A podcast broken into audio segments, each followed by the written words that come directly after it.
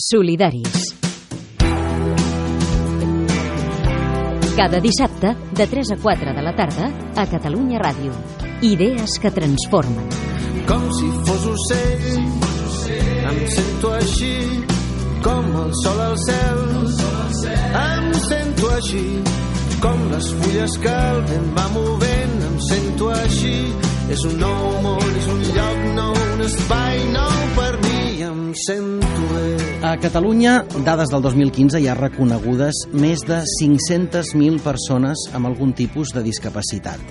Més de la meitat, a la vora de 300.000, tenen una discapacitat física i això, un cop superada la fase mèdica, la fase de salut, la detenció, un cop assimilada, marca indefectiblement les seves vides, a molts nivells. A Catalunya, una de les institucions público-privades que més ha treballat l'àmbit mèdic, sobretot motriu i neuronal, però també la restitució dels drets i de la qualitat de vida, i això és el que ens interessa als solidaris, de les persones amb discapacitat, és l'Institut Goodman, que l'any passat va celebrar el seu 50 aniversari. I avui, el seu director ha vingut als solidaris, el doctor Josep Maria Ramírez. Què tal? Benvingut. Bon dia, moltes gràcies. Estic molt content d'estar aquí amb vosaltres. I nosaltres que hagi vingut, d'aquestes 300.000 persones, doctor Ramírez, que avui tenen una discapacitat física, sigui motriu o sigui neuronal, a Catalunya, quantes podem dir que tenen una bona qualitat de vida? Aquesta és una pregunta que no, no es pot contestar en xifres. Jo crec, primer, depèn molt del grau d'afectació. Uh -huh. Estem parlant d'afectacions neurològiques. Algunes són molt evidents perquè un va en de rodes i, o és coix i aleshores es veu. Però després hi ha gent que, que té afectacions més cognitives, més de funcions superiors, mm. i aquestes no són tan percebudes. És a dir, tu, tu veus una persona que camina com tothom i que però en canvi té trastorns de conducta, trastorns de memòria, trastorns de parla, el crisol és molt ample, i per tant dir quanta gent viu en qualitat de vida eh, no, no, no li sé respondre. Llavors Tampoc la pregunta és... Tampoc respondre quants ciutadans sense problemes neurològics també la tenen o no la tenen, esclar, perquè llavors la pregunta clara és la qualitat de vida es pot quantificar, aquesta mania que tenim sempre de posar xifres a les coses? Doncs miri, uh, ho intentem, ho, ho, ho intentem, eh? no, no, no, no és fàcil. Hi ha hagut molts, mol, hi ha moltes maneres d'abordar a l'estudi del que és la qualitat de vida. Hi havia una tradició fora d'aquí a Catalunya, el doctor Verdugo és un dels que a nivell espanyol més va treballar aquest tema, mm. però segurament en paradigmes uh, erronis. Avui en dia es va més cap a intentar estudiar la qualitat, la qualitat de vida percebuda pels, per les pròpies persones afectades. I aquests són treballs que no són molt rigorosos avui per avui. no, clar, perquè són de percepció, no són, de valoratius. Molt, són molt difícils i quantificables. Clar. Això hi ha una, ma- un mecanisme que és portar-ho a quantis o qualities, que són elements que a través de la CIF, que és, un, és una mesura d'autonomia personal que fa servir la OMS, podríem arribar a saber els, amb nombre quanta gent respecte de la població similar d'ella sense discapacitat, perquè Mhm. vol dir jove, l'edat, sexe... Sí, dir, buscant paràmetres buscant comparables. paràmetres comparables, perquè esclar, això és, és que la pregunta, si comencem per aquí, aquí necessitem 3 hores. Fem eh? una conferència. Eh, eh, Aleshores, amb aquest sistema es pot arribar a veure sí, quines persones, o les persones amb discapacitat, amb quin grau de diferència respecte dels seus homòlegs eh, tenen major o menor qualitat de vida. Llavors- llavors- Tot això és molt teòric. A la pràctica... No, però la- està, està bé que puguem Sí, fer sí. aquesta mica de teoria. Per fer Aquests ciència és paràmetres... necessari. Aquests... Ah, perfecte, mira, m'agrada. Per fer ciència Ah, és necessari. Per, per, per, per saber més o menys quins són aquests paràmetres a partir dels quals hem de mesurar si es pot, aquesta qualitat de vida. Què és? L'accés a la feina, per exemple, el tenir una vida autònoma... És, són eh, aquests els paràmetres? són avui en dia hi ha, jo diria que hi ha tres o quatre elements que són claus. Un és l'empoderament, és a dir, la capacitat que té l'individu per ell mateix Uh -huh. de eh, prendre les decisions que vol per desenvolupar La seva seu, vida. la seva vida amb el seu propi estil de vida. Uh -huh. I això segurament és formació, és capacitat, és la pròpia lesió i, per tant, amb la discapacitat de què parteix, però sobretot les capacitats residuals que té, Bé, residuals o no tan residuals? No tan residuals, no? Però Perquè dir, hi ha gent que té unes queden, capacitats les- que, que una altra no les tindrà en sa vida. Exacte, no, jo, jo el que he dit és discapacitat i he dit les capacitats que té cada Sí, individu. està clar. Però, en, en definitiva, és, aquesta és una part. Però, és clar, no n'hi ha prou amb l'empoderament. Però després aquest empoderament s'ha de poder exercir. Vol dir que aquest individu ha de tenir autonomia. Llavors, quan comences a parlar de l'autonomia, el que et trobes és que has de poder exercir amb igualtat d'oportunitats les potencialitats de la, societat, de la societat. Per tant, és quan comencem a dir, bueno, però aquest senyor que ja està empoderat i que pren les seves decisions, les pot exercir en igualtat de condicions que altres persones i, per tant, té accessibilitat als llocs, té la feina, té la vivenda, té un assistent personal... Clar, llavors comences a graduar tot això. I la suma d'aquestes coses amb un entorn molt important, és a dir, l'empoderament, l'autonomia, la participació social que això li permet a aquest individu, mm -hmm. alhora amb un entourage o amb un entorn que és el legislatiu de drets preservats o prestacions per equiparar oportunitats. I llavors, això també és molt important perquè és diferent un ciutadà noruec, No, amb de rodes, que un ciutadà eh, Català, català perquè la legislació o- no és la mateixa. no és la mateixa, no hi ha el mateix acompanyament, no hi ha... Per tant, la qualitat de vida és el, el cúmul de totes aquestes coses, Mm. però aquestes coses s'analitzen i ho estem treballant a través, o sigui, estem treballant nosaltres amb molta altra gent, però fonamentalment nosaltres ho estem treballant eh, amb un laboratori de mesures potenciadores de l'autonomia personal i de la qualitat de vida que es diu Quilab, que ja fa 6 o 7 anys que funciona, i que ara estem fent un procés de fer-lo partícip obert de la participació de les associacions perquè creiem i això és una tendència que estem treballant amb l'OMS i que eh, és dels darrers anys, que la persona amb discapacitat no ha de ser només la persona objecte de, De tractaments i d'assistència. de la recerca, sinó que ha de ser partícip de la recerca i ell mateix generar coneixement de la seva pròpia discapacitat. L'incentivador. Clar, llavors és, és molt més interessant. Uh Mhm. -huh. Això és el que estem treballant ara. Uh, a la primavera d'aquest any, en un d'aquests actes del 50 aniversari, el Goodman va fer unes jornades de debat sobre innovació social. Se'n van extreure 45 conclusions que estan editades en un llibre que, per cert, si algú el vol llegir després d'aquesta xerrada que tenim amb el doctor Ramírez, el pot descarregar a goodmaninnova.com. Després ho repetirem i, si no, a les nostres xarxes ho trobareu. No tenim pas temps, doctor, de repassar-les totes, però n'hi ha una que em sembla molt interessant de comentar i que té molt a veure amb això que ara fa una estona vostè estava explicant, i és eh, la percepció social de les persones amb discapacitat, més enllà dels aspectes tècnics, mèdics, o fins i tot en aquell cas que totes aquestes persones tinguessin totes les ajudes resoltes, en quin grau la percepció de la resta de la societat que tenim de la discapacitat és un element que crea murs, que crea barreres o que al revés integra aquestes persones. Sí, eh, eh, jo, jo crec que aquest és el- l'element fonamental perquè durant molts anys s'ha fet un èmfasi extraordinari amb les barreres arquitectòniques. Sí, I és veritat, les barreres arquitectòniques t'impedeixen arribar als llocs. El que passa és que quan arribes al lloc a lo millor ets rebutjat. És a dir, que hi ha unes altres barreres, que són aquestes mentals, que segurament, segurament es basen en prejudicis, en històries antigues, en desinformació, en desconeixement, que això eh, s'ha de superar. Jo crec que aquesta barrera de la de l'empatitzar amb el reste de la societat com un més, també és una actitud que ha de canviar en el món de la discapacitat. El relat de la discapacitat no s'ha de basar únicament en el relat de la diferència, sinó intentar que les pròpies persones amb discapacitat es traslladin no a parlar de la discapacitat o no a fer minimitzar-la, buscar sinó els punts en comú. Implicar-se, o sigui, per exemple, jo i vostè sabem perfectament que, i ara que estan fent els Jocs Paralímpics, que les persones amb discapacitat poden saltar mm, espais grandiosos, poden tant. córrer més que jo. Més que vostè i que jo, segurament. Val, val, però s'han d'implicar amb la política, han d'estar als ajuntaments. Sí. Aquest és el repte. I això per És- què? Perquè, fixis, quan hi ha un diputat eh, L'encarreguen de la és, discapacitat. que és sec, per exemple, o que va amb una cadira de rodes, un alcalde d'un ajuntament, aquell és el seu tret distintiu, independentment que estigui més o menys Va. preparat. Per- Però allò es converteix en una anècdota. Exacte. Per què no n'hi ha més? pues aquest és el, una de les coses que discutíem en aquest debat de, en aquest moment de la innovació social és de canviar el relat i canviar el, una mica que els moviments que acompanyen a la discapacitat, les associacions de pròpies de discapacitats, mm. el rol ha de ser més transversal a la societat. I han d'apostar per fer una transversalitat amb les altres associacions que lluiten per coses comunes, que no és la discapacitat, perquè la discapacitat mm. no hem de lluitar, és un dret. El que hem de, és d'exigir que es compleixi el dret. I per tant hem de, hem de, hem de lluitar pel treball, per l'ocupació, per l'escola inclusiva, per moltes altres coses. Mm. Per, per, per lo que lluitem tots. Per lo que hauríem de lluitar tots. Tots, tots. I Independentment... tant, I per tant no hem de segregar d'aquesta lluita les coses de sinó que s'han d'integrar aquesta...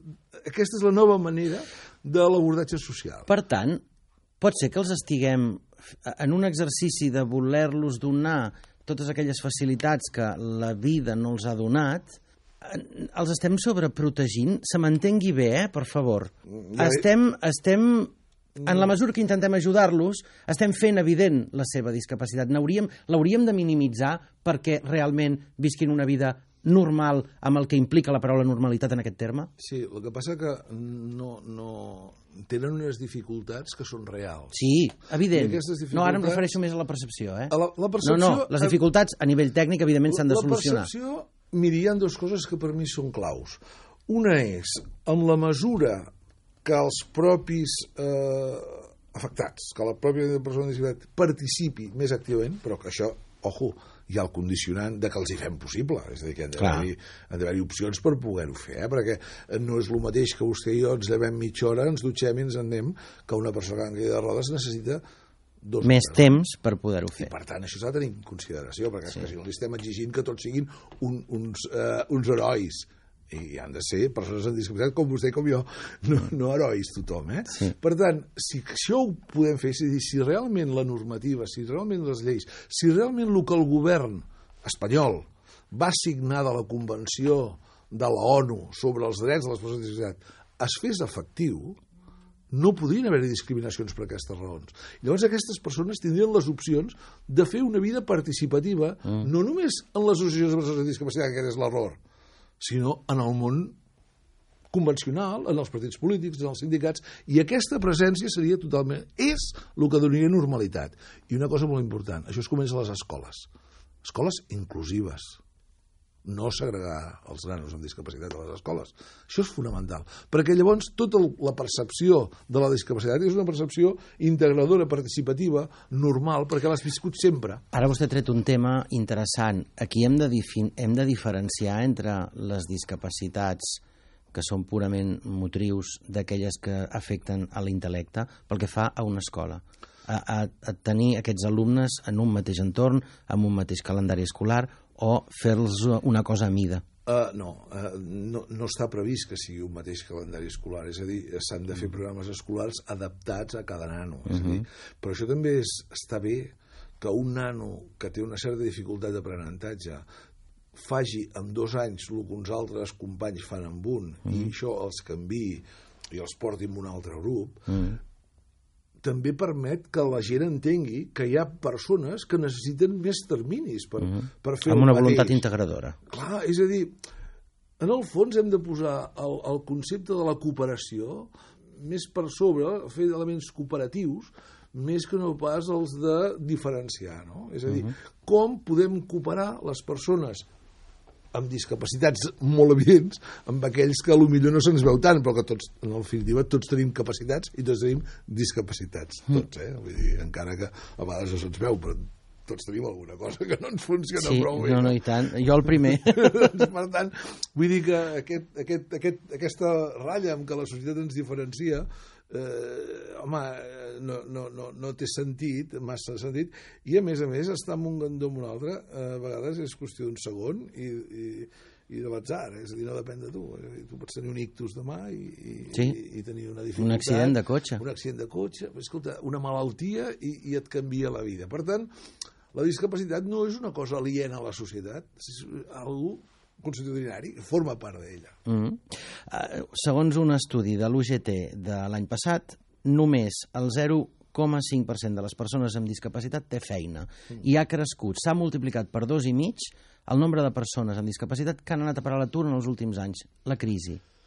La crisi i la manca d'igualtat d'oportunitats. És a dir, el problema és què entenem per treball com es facilita. És a dir, quan parlem aquí de dèficits intel·lectuals, la cosa està molt ordenada perquè eh, quasi, quasi que el treball és una forma de vida i és més una ocupació que un treball. Per, això és molt difícil. Sí, no, no, no, dir s'entén, que- s'entén. que les persones amb discapacitat mm, tampoc s'ho plantegen. Eh, tenir una pensió i, i, i no fer res més. Uh -huh. Altra gent que té una discapacitat física, en alguns casos, tenir una pensió significa poder fer una vida més o menys normal, amb les limitacions de la pensió, perquè a lo millor el treball que t'ofereixen significa 50 euros més que la pensió, però que t'has de llevar dues hores per anar amb un mollet de paral·lada cada dia amb el cotxe. Aleshores, si aquest senyor té un hàndicap i no li compenses aquest hàndicap, exigir-li el que li podries exigir a una altra persona que no té aquest hàndicap és injust. Per tant, si hi haguessin ajudes a l'equiparació, seria més fàcil la integració. Si poguessis tu tenir la garantia de que quan tens una pensió, si vas a treballar, aquella pensió o se't redueix, o no la perds, o la pots recuperar, però amb una llei tan ambigua, que a vegades et truca la Social i diu, si vaig aquí, perd la pensió, i aquell diu, hòstia, i si d'aquí quatre dies perdo la feina, hauré, m'hauré quedat sense feina. I, o sigui, aquí hi ha algo que no funciona que la gent està aturada, però hi ha gent que podria estar treballant que no vol, també ho dic, eh, alguns, eh, no, no estic Mm, parlant de... no, no, parlant- està clar. Estic parlant, de, sobretot, i gent que tampoc es pot adaptar al seu lloc de treball. I, les, i també hi ha empreses que sí que hi ha ajudes que treuen una, un percentatge de, del, de la cotització, però després hi ha tot un element que és d'acompanyament que s'hauria de fer més bé. Ja hi ha equips que ho fan, però pocs. És a dir, que, que el món de la feina Quina seria una bona pràctica professional? És a dir, una empresa que eh, facilités la inserció laboral d'aquestes persones sense que sigui una empresa de treball especial, eh? Sí, no, no, Eh, clar, perquè això és una una bona història. pràctica perquè algú dels nostres oients que ens escolti eh, pensi, allò que jo on treballo, podríem fer-ho? Podríem tenir alguna persona d'aquestes? Uh, jo, jo estic segur que sí. És a dir, jo crec que uh, hi ha una, aquí sí que hi ha un gran prejudici dels empresaris, i estaran sempre... Jo estaran malalts, i de es posaran baixa. baixa. Això no és veritat. Tindré, hauré d'adaptar-me Eh, físicament a l'entorn i a potser hauré d'adaptar l'espai de treball. Bueno, però el millor és eh, avui dia que es treballa amb aparells informàtics i tal, tot això no és Mhm. un problema. I, bueno, i l'accés al lloc de treball, jo crec que si ja diem és que, és que vivim en un tercer pis, que no hi ha ascensor, això ja, ja comença a ser eh, allò que dèiem, és que no hi ha cap avantatge llavors per Sí, no? sí, sí. aleshores, o, o cap alternativa. No, jo crec que el que s'ha de fer és...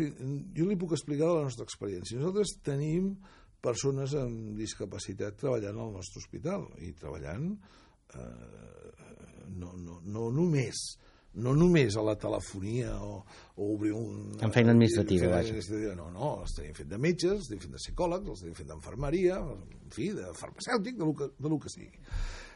El més important és eh, seleccionar aquella persona com si la seleccionessis eh, sense la discapacitat, és a dir, si és el perfil de necessitat que tens per la Oh, clar. feina, si està motivat per la feina i, si que li, i, Això si el que tu, i si el que tu li vas oferir co- Correspon al que ell correspon a t'ofereixi a tu, a esclar. les seves expectatives. Sí, I home, per sí. tant, aquell tio serà una persona que, amb discapacitat o no, Mhm. s'identificarà molt amb el lloc de treball i serà molt productiu. Clar. Això, afortunadament, la discapacitat no ho trenca. Fixeu-vos que un dels pitjors tractats de la discapacitat són les polios. I estan discriminats al final de la seva vida quan ja no poden, perquè no els hi poden donar la invalidesa. Bueno, hi ha una lluita aquí, mm. armada molt gran, perquè no els hi volen donar la invalidesa, perquè diu, no és que vostè ja va entrar amb la minusvalidesa a treballar, i per tant, això no és causa ara d'invalidesa. Llavors és quan ha sortit això de la postpoli, per aquí busquen espais. Però, fixis, els treballadors que van tenir polio han, han arribat tots als 60-65 anys que no poden i estan continuament, continuen actualment mm. tots treballant. És a dir, jo crec que aquest és el millor exemple. És a dir, molta gent amb polio ha estat perfectament integrada perquè no tenien cap dret, pensem que estem parlant del franquisme, Sí, i tant. i per tant tenien que, so- que tenien que sobreviure. Per tant, aquest eh, concepte de que la persona amb discapacitat és poc eh, eficient o que no és rentable És mentida. és mentida. Mentida. És un topicazo És mentida. increïble. Fixis que, a més a més, és curiós, però són els que han treballat durant tota la seva vida, són els més maltractats ara, i també han sigut els que històricament han liderat el moviment de persones amb discapacitat De física. reconeixement. Clar, perquè eren els tios que havien anat a l'escola, que s'havien integrat al món laboral, i per tant, home, tenien un background eh, molt important. Uh -huh. I, home, jo crec que això és molt important, tant per dir la importància que té que la gent es pugui integrar al treball, com perquè aquesta integració, a part dels beneficis que porta de la normalització, també després genera persones que són capaces d'aportar experiències noves i una nova manera d'enfocar i un nou relat de la discapacitat, hi ha un relat més actiu, no tant de demanar ajuda, aquest programa que es diu Solidaris, et sembla, uh -huh. doncs no es tracta tant de solidaris, sinó d'exercir drets. I convertir les persones amb discapacitats el Goodman ho deia d'una manera molt, molt divertida, que deia els convertim de malalts en contribuents d'Hisenda. Què vol dir ser contribuent d'Hisenda?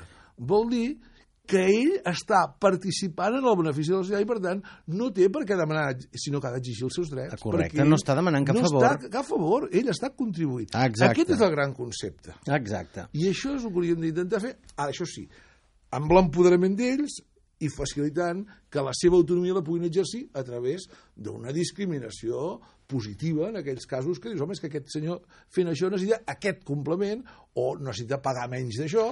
o- Complements que impliquen directament l'administració. El Goodman ja no és només un hospital, el Goodman és una universitat, el Goodman és eh, un centre de treball, és un, un, un, un pool d'innovació social. Eh, I una de les coses que vostès poden fer és aquesta pressió com a gran centre, com a gran focus important que són a Catalunya, perquè les administracions eh, afavoreixin tot això. En les seves converses amb els consellers diversos Sí. que vostè deu haver conegut en aquests últims anys, eh, no fan evident aquesta... No. Tan, tan, tan senzill com vostè ara m'ho està explicant, no és fàcil de parlar amb el conseller, Sí, això. sí però, però jo li, ara li diré també una cosa que l'he après en aquests anys. I és, sí que ho parlem, això, eh, amb els consellers, la resposta és sí. Clar. Ara, sí, ja m'imagino. El, el, el Goodman no és qui ho ha de parlar. Per què? perquè nosaltres no som les persones amb discapacitat. Som una fundació que tenim una expertise en el tractament, que tenim una història, tenim un coneixement, mm. vam participar del moviment eh, reivindicatiu dels anys 60, és a dir, tot, tot això ja ho hem viscut. Però és que si creiem en l'empoderament de les persones amb discapacitat, són ells. Aleshores, nosaltres, des del Goodman, el que vam fer, que jo crec que és una cosa de la que n'estem absolutament orgullosos i satisfets, és crear un Consell Social, en el que s'agrupen amb el pretext de nosaltres rendir comptes voluntàriament al col·lectiu que atenem, Uh -huh. clínicament, Uh -huh. ens permet crear un Consell on estan representades, en aquest moment que són 12 eh, entitats eh, i federacions de persones, De persones amb discapacitat. discapacitat. I allà és on ho reflexionem. I hi ha un president que millor li podia vostè eh, oferir també un dia una, una entrevista. Oh, no es pensi, potser ja ha vingut, eh? Bueno, el Qui Pep, és? El Pep Soler. El convidarem. és un expert en autonomia de les persones i en, i amb el dret eh, internacional i nacional sobre uh -huh. les perquè a més a més ell és president d'una fundació uh -huh. tutelar de, Gir uh -huh. de Girona i per tant és un home mm, jo crec que amb una gran potència bueno, la, la idea és que les persones amb discapacitat han de lluitar pels seus nosaltres, Goodman és una fundació eh, privada, sense ànim de lucre, que, que participem de la cooperació públic-privat amb tot, perquè mm. Ens estimem el país, entenem l'administració i volem col·laborar en millorar les coses, el que fem és servir eh, de vehicle, ser un catalitzador, posar sobre la taula i ajudar amb la manera que puguem. Per tant, el que vam fer és, aprofitant el 50 aniversari amb la iniciativa del Consell Social, crear un foro de discussió sobre innovació social. Uh -huh. Jo crec que aquestes les aportacions que pot fer el Goodman, ajudar a fer la reflexió, després tocar al Consell i dir, escolta, presentem el llibre junts i aprofitem per parlar-ho tots plegats. Però llavors el que hem de fer és posar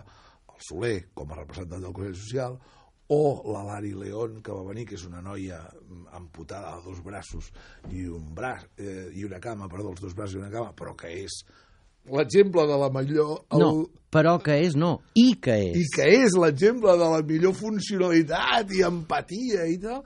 Clar, i això sí que ho fem perquè hi creiem, perquè eh, eh, jo a vegades dic una tonteria, i és que a vegades veig un tio que va pel carrer i el saludo.